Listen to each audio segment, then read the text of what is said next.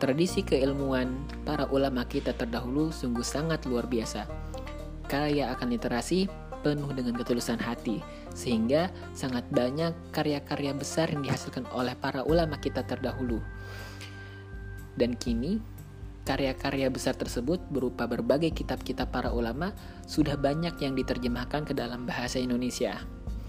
Namun sayangnya, kita umat muslim terkadang sukar untuk mendapatkan akses bisa belajar langsung dari kitab-kitab tersebut, entah dari kitabnya ataupun dari waktu untuk menyediakannya.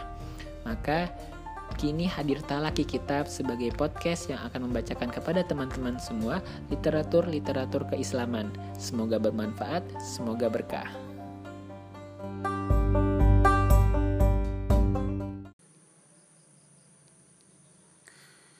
Bismillahirrahmanirrahim.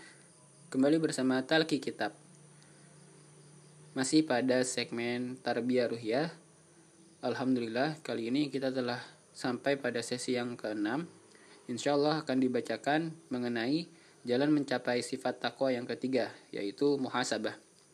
Muhasabah atau introspeksi diri dasarnya adalah firman Allah Subhanahu wa taala يا أيها الذين آمنوا اتقوا الله ولتنظر نفس ما قدمت لغد واتقوا الله إن الله خبير بما تعملون Hai orang-orang beriman, bertakwalah kepada Allah dan hendaklah memperhatikan apa yang telah diperbuatnya untuk hari esok. Dan bertakwalah kepada Allah, sesungguhnya Allah maha mengetahui apa yang kamu kerjakan. Surat Al-Hasyr ayat 18 Makna muhasabah Sebagaimana diisyaratkan oleh ayat ini, ialah hendaklah seorang mukmin menghisap dirinya ketika selesai melakukan amal perbuatan. Apakah tujuan amalnya untuk mendapatkan ridho Allah atau apakah amalnya diremesi sifat ria? Apakah dia sudah memenuhi hak-hak Allah dan hak-hak manusia? Ketahuilah wahai para dai, seorang mukmin setiap pagi hendaknya mewajibkan diri dan meminta perjanjian untuk memperbaiki niat, melaksanakan taat, memenuhi segala kewajiban dan membebaskan diri dari ria. Demikian pula sore hari, semestinya ia punya waktu untuk berkhulwat dengan dirinya, guna memperhitungkan semua yang telah dilakukannya. Bila yang dilakukannya itu kebaikan, maka hendaklah memanjatkan puji syukur kepada Allah atas taufiknya, serta memuji keteguhan dan tambahan kebaikan kepada Allah.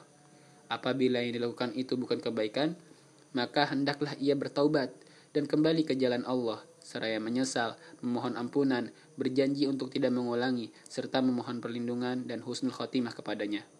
Semoga Allah meridhoi Umar Al-Faruq radhiyallahu anhu yang berkata, Hisaplah diri kalian sebelum kalian dihisap.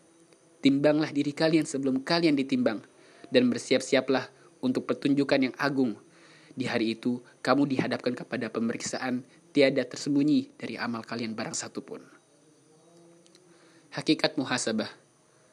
Hendaklah seorang mukmin memperhatikan modal, keuntungan, dan kerugian agar ia dapat mengontrol apakah dagangannya bertambah atau menyusut. Yang dimaksud dengan modal adalah Islam secara keseluruhan, mencakup segala perintah, larangan, tuntunan, dan hukum-hukumnya. Dan yang dimaksud dengan laba adalah melaksanakan ketaatan dan menjauhi larangan. Sedangkan yang dimaksud dengan kerugian adalah melakukan perbuatan yang terlarang atau dosa. Ketika seorang mukmin selalu memperhatikan modalnya, memperhitungkan keuntungan dan kerugiannya, bertobat dikala melakukan kesalahan dan bersungguh-sungguh dalam melaksanakan kebaikan, maka ia telah termasuk orang yang menghisap diri sebelum hari penghisaban dan memperhatikan apa yang akan dipersembahkannya pada hari esok di hari kiamat.